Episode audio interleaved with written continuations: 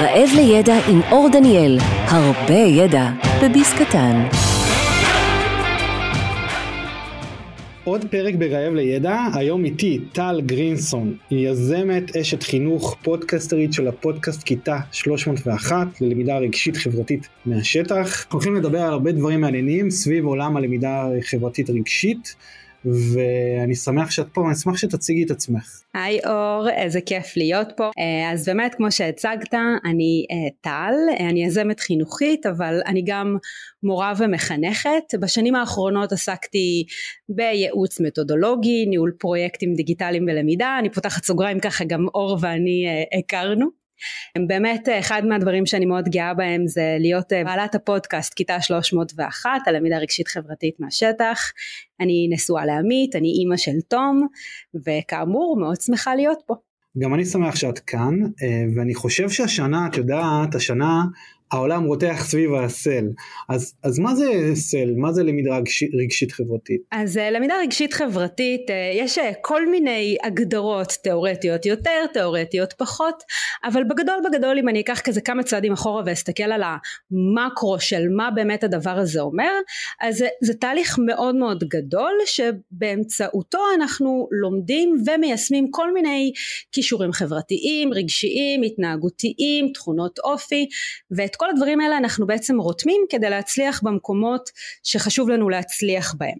אפשר לבחון כל פריזמה, כל, כל דבר שאנחנו עושים בחיים שלנו דרך המיומנויות האלה. למשל אני אשאל אותך, אור, למה בחרת להתעסק בעולם של למידה ובעולם של ידע? שאלה מורכבת וקשה מאוד. אני חושב שבתור ילד לא הייתי לומד טוב, כן? והיה הגדרה איפושהי של משהו ש... שתמיד הגדירו לי מה אני מסוגל ומה לא מסוגל. ובצבא וגם אחרי הצבא גיליתי שאין שום דבר שאתה לא מסוגל לבצע או ללמוד ולהתמודד איתו ואז הרבה רפלקציות אחורה ופתאום אתה אומר בוא בוא ננסה רגע לבנות אותה הופה אתה מצליח ואתה אומר אוקיי זה לא בלתי אפשרי אה, ואני חושב שזה אחד מהדברים שנכנסתי ללמידה אבל יש פה הרבה מעבר. בזמנו אני נכנסתי לחינוך כי כי רציתי לסגור מעגל, כלומר הלכתי לעבוד בחינוך בשכונה שאני גדלתי בה. כאילו קודם כל מרתק ואני חושבת שחינוך, בשונה מהרבה מקצועות אחרים, חינוך מפגיש אותנו תמיד עם, ה, עם הילדים שהיינו, תמיד עם, ה, עם הדבר הזה שגדלנו בתוכו. אם נחזור שנייה לסיפור שלך ונבחן אותו דרך מיומנויות רגשיות וחברתיות, אז בעצם הגעת לשם כי הכרת את עצמך, אוקיי? ידעת שמשהו הפעיל אותך ורצית לחקור אותו, עשית רפלקציות עשית אה, איזשהו תהליך של בניית מסוגלות וכל הזמן חזרת ושאלת את עצמך מה עושה לי טוב ואיפה אני רוצה להיות ומה נעים לי ומה לא נעים לי כל השאלות האלה, כל המיומנויות האלה שעוזרות לנו בעצם לעשות את הדבר הזה שאנחנו רוצים לעשות בתוך החיים שלנו, אלו כישורים חברתיים ורגשיים. עכשיו אם אנחנו נסתכל על המודל של קאסל שזה בעצם התיאוריה שמובילה כרגע בתחום אז יש חמש מיומנויות שמוסכמות כמסגרת תיאורטית שלוש מיומנויות שקשורות למרחב ביני ובין עצמי שזה מודעות עצמית ניהול עצמי וקבלת החלטות. שלושתן אגב מאוד נוכחות בסיפור שלך ושתי מיומנויות שקשורות למרחב שביני ובין אנשים אחרים שזה מודעות בין אישית ומיומנויות ביחסים בין אישיים. אה, אור אתה יכול גם לצרף אה, לינק לפרק שלי שעוסק ממש בהגדרה של כל התחום הזה. אה, מאחר וציינת את זה בצורה כל כך יפה ומודגשת אז ברור חבר'ה אני אצרף לינק לפרק הזה אני רוצה שנפרק את המיומנויות האלה כי זה לאנשים נראה לי גבוה גבוה 5,000 מטר מעל הקרקע בוא, בוא נתחיל במיומנויות עם עצמי, השלושה שציינת, כי אני תמיד רב עם עצמי. בוא נתחיל איתם ותרחיבי טיפה במשפט על כל אחת. אוקיי, okay. אז אם אנחנו מדברים על אה, מודעות עצמית, אז בעצם זה איזושהי יכולת שלנו להבין באופן מדויק מה אנחנו מרגישים, מה אנחנו חושבים, ואיך שני הדברים האלה משפיעים על ההתנהגות שלנו. אוקיי? כאילו אם עכשיו נחזור שנייה לסיפור שלך שאמרת אני אה, לא הייתי תלמיד מאוד מאוד טוב וחזרתי אחר כך ובניתי את המסוגלות שלי לאט לאט אז בעצם הכרת את עצמך בצורה מספיק טובה כדי לדעת איך זה משפיע על ההתנהגות שלך ותוך כדי שגדלת בעצם שינית את ההתנהגות שלך עם ההיכרות העצמית הזו אז בתוך היכולת הזאת למודעות עצמית אתה מבסס את כל התחושות ואת ההתנהגויות שלך על איזושהי תחושה של ביטחון עצמי, אמונה ביכולת שלך אה, להתפתח, לצמוח, growth mindset, אה, יש פה זיהוי רגשות, אה, זיהוי חוזקות, מסוגלות עצמית, אז זה מודעות עצמית בעצם, כל הסיפור של להכיר את עצמי מספיק טוב כדי להבין מה החולשות שלי, מה המגבלות שלי, מה החוזקות שלי, ואיך כל אלה משפיעים על ההתנהגות שלי. זאת מודעות עצמית. פשוט העניין כאן, שאני רואה הרבה פערים בין אנשים לבין איך שהם רואים את עצמם לבין איך שאחרים רואים אותם. ויש פה עוד בעיה שאנחנו מדברים על ילדים, לא רגע על מבוגרים. כשאנחנו מדברים על ילדים, יש את העניין, יש את הדימוי הזה שבטוח אצל הרבה אנשים יקפוץ, זה את המראה. שאתה עומד מול המראה ויש משהו אחר שאתה, שמשתקף אליך. ופה זה הקושי של באיזה תהליכים, מה התהליכים הנכונים, חוץ מבניית תחושת מסוגלות, שאני יכול לעשות עם הילד ולהגיד לו בוא תראה את עצמך כפי שאתה. אז אני חושב שפה יש פה שיח מורכב כדי ליצור את זה, אבל מה את הטיפ שאתה היית מציעה לעשות כדי שבואנה, עזוב את מה שאתה רואה במראה, בוא תראה רגע באמת איך אתה נראה. איך עושים את זה? אז בעצם אתה שואל איך אנחנו מיישמים מיומנויות רגשיות חברתיות בפועל, בעצם איך אנחנו לוקחים את הדבר הגדול הזה, אגב דיברנו רק על אה, מודעות עצמית אבל יש לנו פה עוד מיומנויות, אם אולי נרחיב עליהן אחר כך, בגדול מבוגרים וילדים, אה, אין הבדל בהקשר הזה, אה, צריכים כל מיני דברים כדי ליישם את המיומנויות האלה. אני כן רוצה שנעשה צעד אחורה ונדבר על כל המימוניות ואז נרוץ לעוד אפשרויות ולעוד דוגמאות ליישום. אז כאמור אה, ניהול עצמי אה, זה הדיג'יגדל של אה, מודעות עצמית זה בעצם הצעד הנוסף אחרי מודעות עצמית. אז בעצם זיהיתי את הרגשות שלי הבנתי מה המגבלות שלי מה הגבולות שלי מה החולשות שלי ואיך זה משפיע על ההתנהגות שלי. המיומנות של ניהול עצמי מדברת בעצם על מה שאני עושה עם זה אוקיי? מה שאני עושה עם כל מה שלמדתי על עצמי. אז במסגרת של זה יש שליטה בדחפים וניהול לחצים ומוטיבציה והתמדה בעצם כל המיומנויות האלה שאני משתמשת בהם כדי לנהל את עצמי והשלב הדיג'יגדל כפול שתיים בעצם של ניהול עצמי ומודעות עצמית זה קבלת החלטות אחראית. במסגרת מה שלמדתי על עצמי ובמסגרת הכלים שאני השתמשתי בהם כדי לנהל את עצמי איך קיבלתי את ההחלטות שלי במסגרת קבלת החלטות אז יש לנו כמובן uh, רפלקציה, uh, פתרון בעיות, זיהוי מצבים, פתרון בעיות מורכבות בתוך החיים שלי, אז כל מה שקשור בעצם, כל מה שמורכב מקבלה של החלטות. אני רק אגיד על זה, על המיומנות הזו, ספציפית היא ממש חשיבה מסדר גבוה ומאוד מאוד מאוד קשה קודם כל גם ליישם אותה כלמידה אה, וגם אה, לאו דווקא מתאים בכל השלבים, אז צריך לשים לב שרוצים לעבוד על זה, זה מאוד קשה, מאוד קשה וצריך בעדינות. זהו רק היה חשוב לי להגיד. זה קשה בכל גיל אגב, אה, זה קשה, האתגרים אולי שונים בין הגילים, אבל בסוף לקבל החלטות שהן טובות בתוך החיים שלנו זה, זה כל הזמן אתגר. אבל כשמבססים את קבלת החלטות על מודעות אישית ועל ניהול עצמי אז בסוף ההחלטות שלמות יותר. עכשיו צריך גם לומר שההפרדה בין המיומנויות האלה היא, היא מאוד תיאורטית והיא בעצם עוזרת לנו לייצר איזושהי טרמינולוגיה משותפת אבל בסוף כולנו יודעים שהעולם הוא מורכב יותר מזה ו, ושזה לא באמת עובד היררכי והדרגתי ויפה כמו שתיארתי את זה כרגע. אה, יש פה הרבה ערבוב בין המיומנויות ובין התחושות אבל המסגרת התאורטית הזאת כשאני הייתי מורה לי זה היה כמו מכוון. בעצם זה עזר לי להבין איפה המיומנויות האלה קורות כרגע ומה הכיתה שלי צריכה יותר ופחות וזה עוזר בשיום ושיום זה משהו שהוא מאוד קשה כי באמת הטבע של המיומנויות האלה זה להתערבב ביחד. אז באמת דיברנו על שלוש המיומנויות הראשונות שזה מודעות עצמית, ניהול עצמי וקבלת החלטות שזה בעצם מדבר על המרחב ביני ובין עצמי. אה, שתי המיומנויות הנוספות מדברות על המרחב ביני ובין אנשים אחרים שזה מודעות בין אישית ומיומנות ביחסים בין אישיים אז אם אני מדברת על מודעות אה, בין אישית אז בעצם זה היכולת זה בעצם כל הסיפור של אה, אמפתיה לצורך העניין. אה, לקחת את אה, נקודת מבטו של מישהו אחר להבין תרבויות שונות להבין מגוון של אנשים אה, להבין נורמות חברתיות להבין כל מה שקשור באתיקה אה, ובמוסר ולקחת את כל הדבר הזה ולראות אה, איך אנשים אחרים מרקעים שונים יכולים לעזור לי לבצע את העבודה שלי בצורה טובה יותר. אז באמת המיומנויות זה מורכב מכבוד לאחר, חשיבה ביקורתית, זיהוי נורמות אה, חברתיות וכן הלאה ובעצם הדיג'יגדל של אה, מודעות בין אישית אה, זה מיומנויות ביחסים בין אישיים. אז בעצם ברגע שהצלחתי להבין שיש אני ויש שונים ממני וברגע שהצלחתי להבין שיש אנשים שחושבים אחרת והדבר הזה מסוגל לחיות יחד עם המחשבות שלי אז בעצם עברתי לשלב הבא שזה איך שאני פוגשת אנשים אחרים. זה, זה, לזה מדברים בדרך כלל כשמתכוונים למיומנויות ביחסים בין אישים כל מה שקשור לעבודה בשיתוף פעולה ועבודת צוות וסיוע לאחרים ופתרון קונפליקטים ותקשורת ובנייה של מערכת, מערכות יחסים בריאות.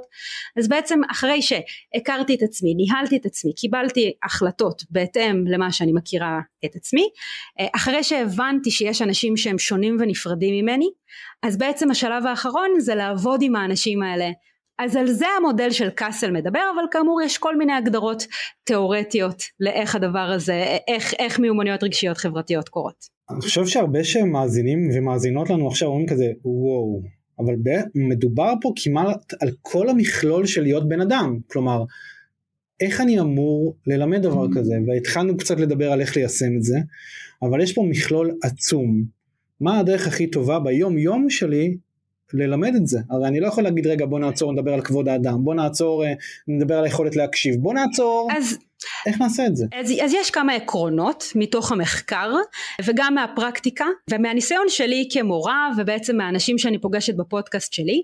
אז באמת כמו שהתחלנו ואמרנו למידה בהקשר. השאלות שאתה שאלת תוך כדי בואי תורידי לי את זה לקרקע זה בדיוק זה אוקיי? זה להבין איזה סיטואציה ואיזה מיומנות קורית בתוך הסיטואציה הספציפית. ודרך זה להתאמן על זה על דברים שרלוונטיים לכאן ועכשיו לסיטואציה שאנחנו מדברים עליה דבר השני זה modeling כלומר אם אני מבקשת מהתלמידים שלי אה, לעבוד טוב בצוות הם צריכים לראות אותי עובדת טוב בצוות. ואם אני רוצה שהם ייתנו כבוד לאנשים אחרים אני צריכה לכבד אותם קודם. היבט נוסף זה שנעים. בשונה ממיומנויות אה, טכניות נגיד לא יודעת מה ללמוד אה, לנגן על פסנתר כדי שאנחנו נוכל ליישם למידה רגשית חברתית באמת בפועל בשטח כמו שצריך צריך שיהיה לך נעים אתה לא יכול להתאמן על אמפתיה ועל מודעות עצמית במקום שאתה מרגיש מותקף או בלחץ אה, אז הסביבה הזאת שהיא נעימה זה מאוד מאוד חשוב. היבט נוסף שהוא מאוד חשוב ליישום של אה, למידה רגשית חברתית זה כל מה שקשור לשפה חיובית. זה קשור קצת לסביבה נעימה אבל זה שני דברים שונים כי בעצם אם אתה מתחיל בטח עם ילדים אבל גם עם מבוגרים בשיח של הנה מה שלא עשית טוב הנה מיומנות שאתה צריך לעבוד עליה אתה בא בשפה לא נעימה קשה מאוד ליישם וללמוד את המיומנויות האלה. אז איך זה קורה באמת בשטח ביום יום? אתה מיישם את כל הדברים האלה. אתה מייצר סביבה נעימה, אתה מדבר בצורה חיובית, אתה מראה איך עושים ולא מדבר על אלא ממש עושה את, אה, ואתה עושה את זה בהקשר הרלוונטי הספציפי. אז נמשיך הלאה. למה דווקא השנה זה נושא חם? מה גרם לזה שלמידה רגשית חברתית אה, בכותרות של כולם? אז צריך לומר שסל אה, זה משהו שמדברים עליו כבר אה, הרבה שנים. תמיד היה צורך לעשות חינוך רלוונטי עם ערך מוסף מעבר לידע בהמשך לשיחתנו ממקודם בשנים האחרונות אנחנו כן רואים צורך יותר רחב בשימוש במיומנויות סל מכל מיני סיבות. אז באמת הסיבה הראשונה זה שתפקיד המורה הולך ומשתנה. אם פעם הציפייה זה שמורים היו מעבירים רק ידע אז פה היינו רוצים לראות את המורים מובילים יותר תהליכים של רכישה של אה, מיומנויות מיומנויות צל באות יותר לידי ביטוי בתוך התפקידים האלה של מורים כמנחים של תהליך סיבה שנייה לזה שמיומנויות צל באות יותר לידי ביטוי דווקא בשנים האלה כל מה שקשור לעלייה של טכנולוגיה. טכנולוגיה באמת הביאה המון המון דברים יפים לעולם שלנו, אה, שנינו מתעסקים בעולמות האלה אז אנחנו יודעים את זה, אה, אבל היא גם הביאה כל מיני אה, התמודדויות רגשיות מורכבות, הצפה בידע, חשיפה לתכנים לא הולמים, כל מה שקשור לבדידות, לאוריינות, אנחנו צריכים יותר כלים להתמודד עם כל מה שטכנולוגיה מביאה לתוך החיים שלנו. הצורך להתמודד עם כל האתגרים האלה במסגרות שונות זה משהו שמיומנויות צל עושות. כאילו בעצם אם אני יודעת להכיר טוב יותר את עצמי ואת הדברים שמפעילים אותי ולמה אני מרגישה בדידות ולמה אני מרגישה את כל הדברים האלה אז אני יודעת להתמודד יותר טוב עם כל הדברים שטכנולוגיה שמגיעה מציפה אותי עכשיו כל מה שאמרתי היה נכון גם לי לפני חמש שנים וגם לי לפני עשר שנים. התפקיד של המורה שהולך ומשתנה וגם אה, העלייה של טכנולוגיה והעלייה של בדידות וכן הלאה. אה, מה שקרה פשוט בשנים האחרונות זה כמובן אה, הקורונה. הקורונה לקחה את כל הדברים שכבר היו נוכחים ופשוט הקצינה אותם מאוד. כל מה שקשור לניכור וכל מה שקשור לבדידות וכל מה שקשור לאובדנות. כל הדברים האלה גרמו לכך שהצורך במיומנויות רגשיות חברתיות וללמד איך לעשות את הדברים האלה עלה פי כמה וכמה. אה, אגב בהקשר הזה ולשאלה הספציפית הזאת אני גם ממליצה, אה, יש פרק אה, בפודקאסט של חייזרים חינוכיים שבו צחי, צחי חנניה, כן בדיוק, הוא, הוא מראיין את דוקטור דפנה קופלמן מהמרכז יעל, היא מתייחסת לשאלה הזאת, התשובה שלה מרתקת אז אני ממליצה גם ככה להקשיב לפרק הזה.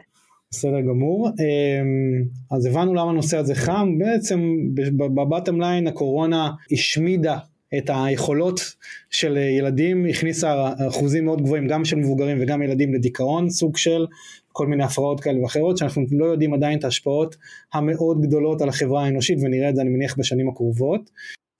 נכון, אבל, אבל לא רק, אוקיי? כלומר, היא האיצה תהליכים שבכל מקרה היו שם. טכנולוגיה הייתה לפני הקורונה. הצורך בשינוי של תפקיד המורה ומה שהוא עושה בתוך הכיתה שלו, זה היה קיים עוד לפני הקורונה. הקורונה פשוט הכל קיבל fast forward, כי פשוט הבינו שכל מה שהיה לפני לא יכול להמשיך ולהתקיים באותה צורה. אין לזה לגיטימציה יותר. ברור, אין לי שום ספק לגבי, לגבי זה, אני התכוונתי לעולם של חוסר ודאות. שמשהו כזה, זה נקרא קטסטרופה עולמית בקנה מידה עצום, שאנחנו רואים ביום אחד מעבר מאלפי טיסות לשום זיהום אווירי ואחרי שבוע רואים עולם נקי, זה עושה משהו לתודעה האנושית, משהו ב... נשבר, זה כמו תופעה של אה, אסטרונאוטים שמגיעים אל החלל ומרגישים מבודדים מהיקום, אנשים ירגישו את זה מבלי לטוס לחלל לדעתי, ואני חושב שאולי נקפוץ רגע ל...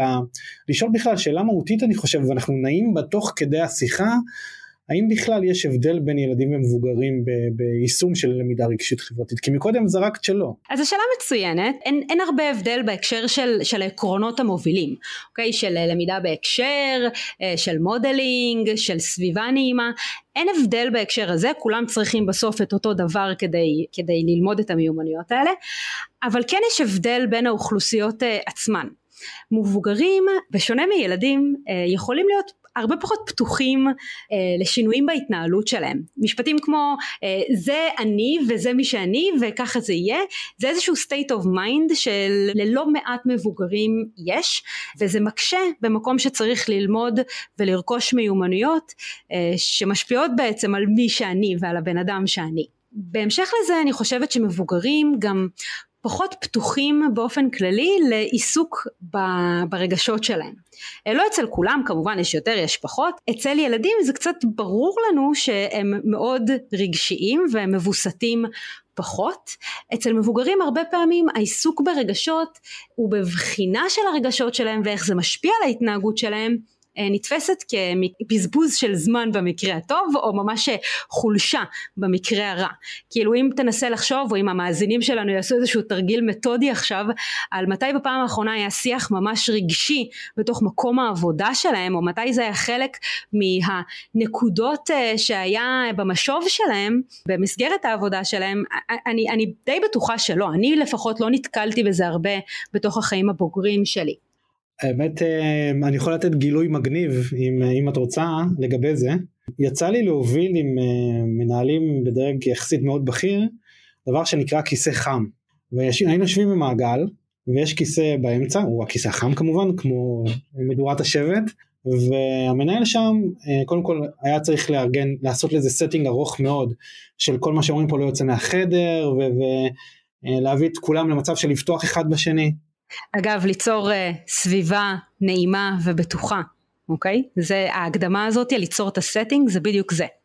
כן כן זה, זה, זה היה ככה גם כדי באמת להגיע לרמות גבוהות של שיח היה חודשיים אני חושב של הכנות של דברים קטנים שיכלו להבנות את, ה, את השיח הפתוח הזה בצורה מאוד רצינית והיה צריך לשתול גם מישהו שיהיה ראשון אה, מוכן מאוד לזה וגם המישהו הרביעי כלומר למקרה שיהיה תקיעות כלשהי בכיסא החם הם יכלו להגיד את הדברים שמפריעים להם בהתנהלויות מסוימת אסור להפנות את האשמה כביכול או את הרגשות לבן אדם ספציפי אלא בחלל החדר בהנחה שהרוב האנשים יבינו וגם אם לא יבינו הם ייקחו את זה להם ורגע יעשו רפלקציה עצמית. אה, ואז אתה רואה שאתה עושה סבב של מעגל בהתחלה מאוד קשה ועד שזה זז וזה לא להיט והכל ופתאום מגיע מישהו שגורם לכולם ליפול להם האסימונים ולפתוח את הלב ואומרים אוקיי ואחריו זה מתחיל מה שנקרא במרכאות להידרדר בקטע טוב. ושאתה חושב אתה יודע מה בתור כאילו מנחה של סיטואציה אתה אומר רגע בוא נעצור אה, פה ונמשיך גם בפעם אחרת. והם אומרים לא בוא בוא לא משנה מה עוצרים לוז בוא נעשה עוד סיבוב. יש פה הרבה דברים שיושבים על השולחן נאמרים דברים חכמים בטוב טעם אנשים אתה רואה אותם כותבים במחברות בטירוף אה, וכאילו אתה אומר לעצמך זה צריך אבל המון השקעה קודם כל צריך המון השקעה וגם זה יכול להידרדר, כאילו זה יכול להיות אה, נוראי לגמרי וסכנה מטורפת פה ש, שהובלנו את התהליך זה היה אה, סכנה אם באמת אנחנו רוצים לעשות את זה והרבה שיקולים מאוד קשים דרך אגב. זהו אני מקווה שנתתי את הספן שלי. לא זה מהמם וכל הכבוד לכם שהצלחתם להוביל תהליך מהפכני כזה אני בתקווה שלי עסקים יבינו שזה גורם משמעותי שמשפיע על ה-well-being של עובדים שלהם בסוף אני בטוחה שלא משנה מה היה התוצאות של התהליך הזה זה היה טוב יותר מאיך שהיה כשנכנסתם אליו. כי בסוף הכל זה מערכות יחסים. אתה יודע אנחנו שומעים את זה הרבה. אני אה, לא כל כך מתחבר ל marketing אבל בגלל שהיה לי קשר ממש טוב עם מי שמובילה את זה אז פתאום היה לנו איזה קליק טוב והצלחנו לרוץ בסוף זה מערכות יחסים ובסוף זה עניין של איך אני פועל בתוך מערכות היחסים האלה. ומבוגרים לא רואים את החשיבות של זה הרבה פעמים אבל זה מנהל וזה מוביל תהליכים מטורפים כשעושים את זה כמו שצריך. אז כל הכבוד לכם שהצלחתם להוביל תהליך כזה. אם נחזור רגע על ההבדל בין ילדים ולמבוגרים אז באמת דיברנו על להיות פתוחים לשינויים בהתנהגות וגם לנהל שיח רגשי כחלק מההתקדמות האישית והמקצועית שלי. וחלק מזה זה גם עניין של תרגול. אני חושבת שכילדים יש לנו לא מעט מקומות לתרגל את הדבר הזה בבית ספר, בתנועות נוער, אה, בכל מיני מסגרות פורמליות ולא פורמליות וכמבוגרים אנחנו פוגשים הרבה פעמים את המיומנויות האלה אה, בתוך מקומות של אה, לחץ או מקומות של בחינה או תחרות ובסוף זה משהו שהוא יוצר סביבה מאוד מאוד לא אידיאלית למפות ולזהות את הרגשות האלה. תחשוב ש, שזה משהו שיכול אפילו לייצר אנטיגוניזם, זה יכול לייצר בדיוק את, ה, את ההפך בתוך התחושות שלי, שאני מרגישה שאני לא טובה בעבודת צוות כי התנסיתי פשוט בעבודת צוות שלא הייתה מתווכת בצורה טובה מספיק והרגשתי שאני באמת לא יכולה לעשות את זה. ואם נלך על הצד החיובי, תחשוב שבאמת היו מעגלי שיח כאלה כמו שאתה מתאר בתוך העבודה שלך בכל מקום עבודה, או שכחלק מהמשוב שלי עם מנהלת שלי הייתי מציבה כל מיני יעדים רגשיים או חברתיים שאני הייתי רוצה להשתפר בהם עד המשוב הבא, ויחד היינו עושות רפלקציה על התהליך הזה, הייתי רואה איך אני מתקדמת בין משוב למשוב, או בכלל שהיו שואלים אותי את הדבר הזה שזה בכלל היה בתוך השיח. אז כל הסיפור של תרגול זה משהו שלדעתי אה, קשה למבוגרים לעשות. אבל בסוף אם אני חוזרת לנקודה המרכזית כדי שמבוגרים וילדים ופעוטות וצרכים מיוחדים וזקנים כדי שכל האנשים האלה כל הקבוצות השונות האלה יצליחו ליישם למידה רגשית חברתית הם צריכים את כל הדברים שדיברנו עליהם לפני למידה בהקשר modeling סביבה אה, נעימה טרמינולוגיה חיובית וכן הלאה אני מקווה שהסביבה שלך נעימה עכשיו לשאלה הבאה שאני הולך לשאול אותה כי אה, אני שומע אותך מדברת בכזו תשוקה ואני שואל את עצמי קודם כל רפלקציה לעצמי של למה לא שאלתי את זה בהתחלה מדברת על זה בכזו התרגשות. למה? מה הוביל אותך להתעסק דווקא בלמידה חברתית רגשית? איפה היה הסיפור שהזיז לך את המפתח בלב? מה קרה שם? שאלה טובה. אני קרו כמה דברים במקביל קודם כל אני כמו שהתחלתי ואמרתי אני מורה במקצוע שלי. זה אחד מהדברים שאני הכי גאה בהם בתוך האישיות שלי וברזומה המקצועי שלי. וכשהתחלתי להיות מורה התחלתי במקביל טיפול פסיכולוגי. וראיתי איך הדברים האלה שזורים ביחד. איך אני כשאני מלמדת את התלמידים שלי על uh, אמפתיה או על עבודה בצוות או על מודעות עצמית או על הדברים שמפריעים להם איך הדבר הזה מוצא את עצמו גם בתוך הטיפול שאני עשיתי. ונהפוך הוא כלומר אני רציתי להיות הגרסה הכי טובה של עצמי כשלימדתי את התלמידים שלי. וכל זה קורה דרך מודעות עצמית ודרך ניהול עצמי ודרך המיומנויות האלה. עכשיו את כל הדברים האלה עשיתי וזה משהו שהרבה מורים אומרים כשהם מדברים על מיומנויות רגשיות חברתיות את כל הדברים האלה עשיתי לפני שהבנתי שיש מסגרת תיאורטית למה שאני מאמינה בו לאיך שצריך ללמד לאיך שצריך לעשות וכשנתקלתי במושג למידה רגשית חברתית פתאום לכל הדברים האלה, לאיך שהאמנתי שצריך ללמד, על המיומנויות שהם המוקד של מה שצריך לעשות עבור הלומדים. פתאום לכל הדבר הזה היה שם, היה מסגרת תיאורטית. ואם אני נותנת שנייה פריזמה יותר רחבה לזה, אני באמת חושבת שזה העתיד. ולא רק אני, אוקיי? כאילו גם אה, ארגונים אה, עולמיים, אה, ה-OECD, העתיד הולך לשם, כדי שהנוער שלנו יצליח באמת להתכונן לעולם שמגיע שחוסר ודאות לא משנה אם זה ידע לא ידע חוסר ודאות אבל זה משהו שהוא מאוד מאוד נוכח הם צריכים שיהיה להם את הכלים הרגשיים ואת החוסן הרגשי ואת היכולת החברתית כדי להתמודד איתם. ואני חושבת שבתוך בית ספר ובתוך מסגרות חינוכיות כשהנפש שלהם עוד מתעצבת זה המקום הנכון לעשות את זה. ואני חושבת שמורים צריכים לעשות את הדבר הזה כמה שיותר כי יש להם הזדמנות פז לעשות את זה, לעצב את נפשות, נפשותיהם הרכות אה, של ילדים וילדות, החל מהגן, דרך בית ספר יסודי ודרך אה, חטיבה ותיכון. אבל לא רק, אני חושבת שברגע שעסקים יצליחו לעשות את זה גם, כמו שסיפרת על המעגלי שיח האלה, העולם שלנו פשוט יהיה יותר טוב. אז זה מתחיל דרך הניסיון האישי שלי, איך אני ראיתי את, ה, את הטיפול ואיך שהוא תרם לי כדי להבין איך שאני מרגישה אה, ואיך הדבר הזה משתקף בחינוך ובהוראה שלי וזה ממש הפך להיות אה, תשוקה אישית שלי כי אני חושבת שזו הדרך להפוך את העולם הזה ליותר טוב.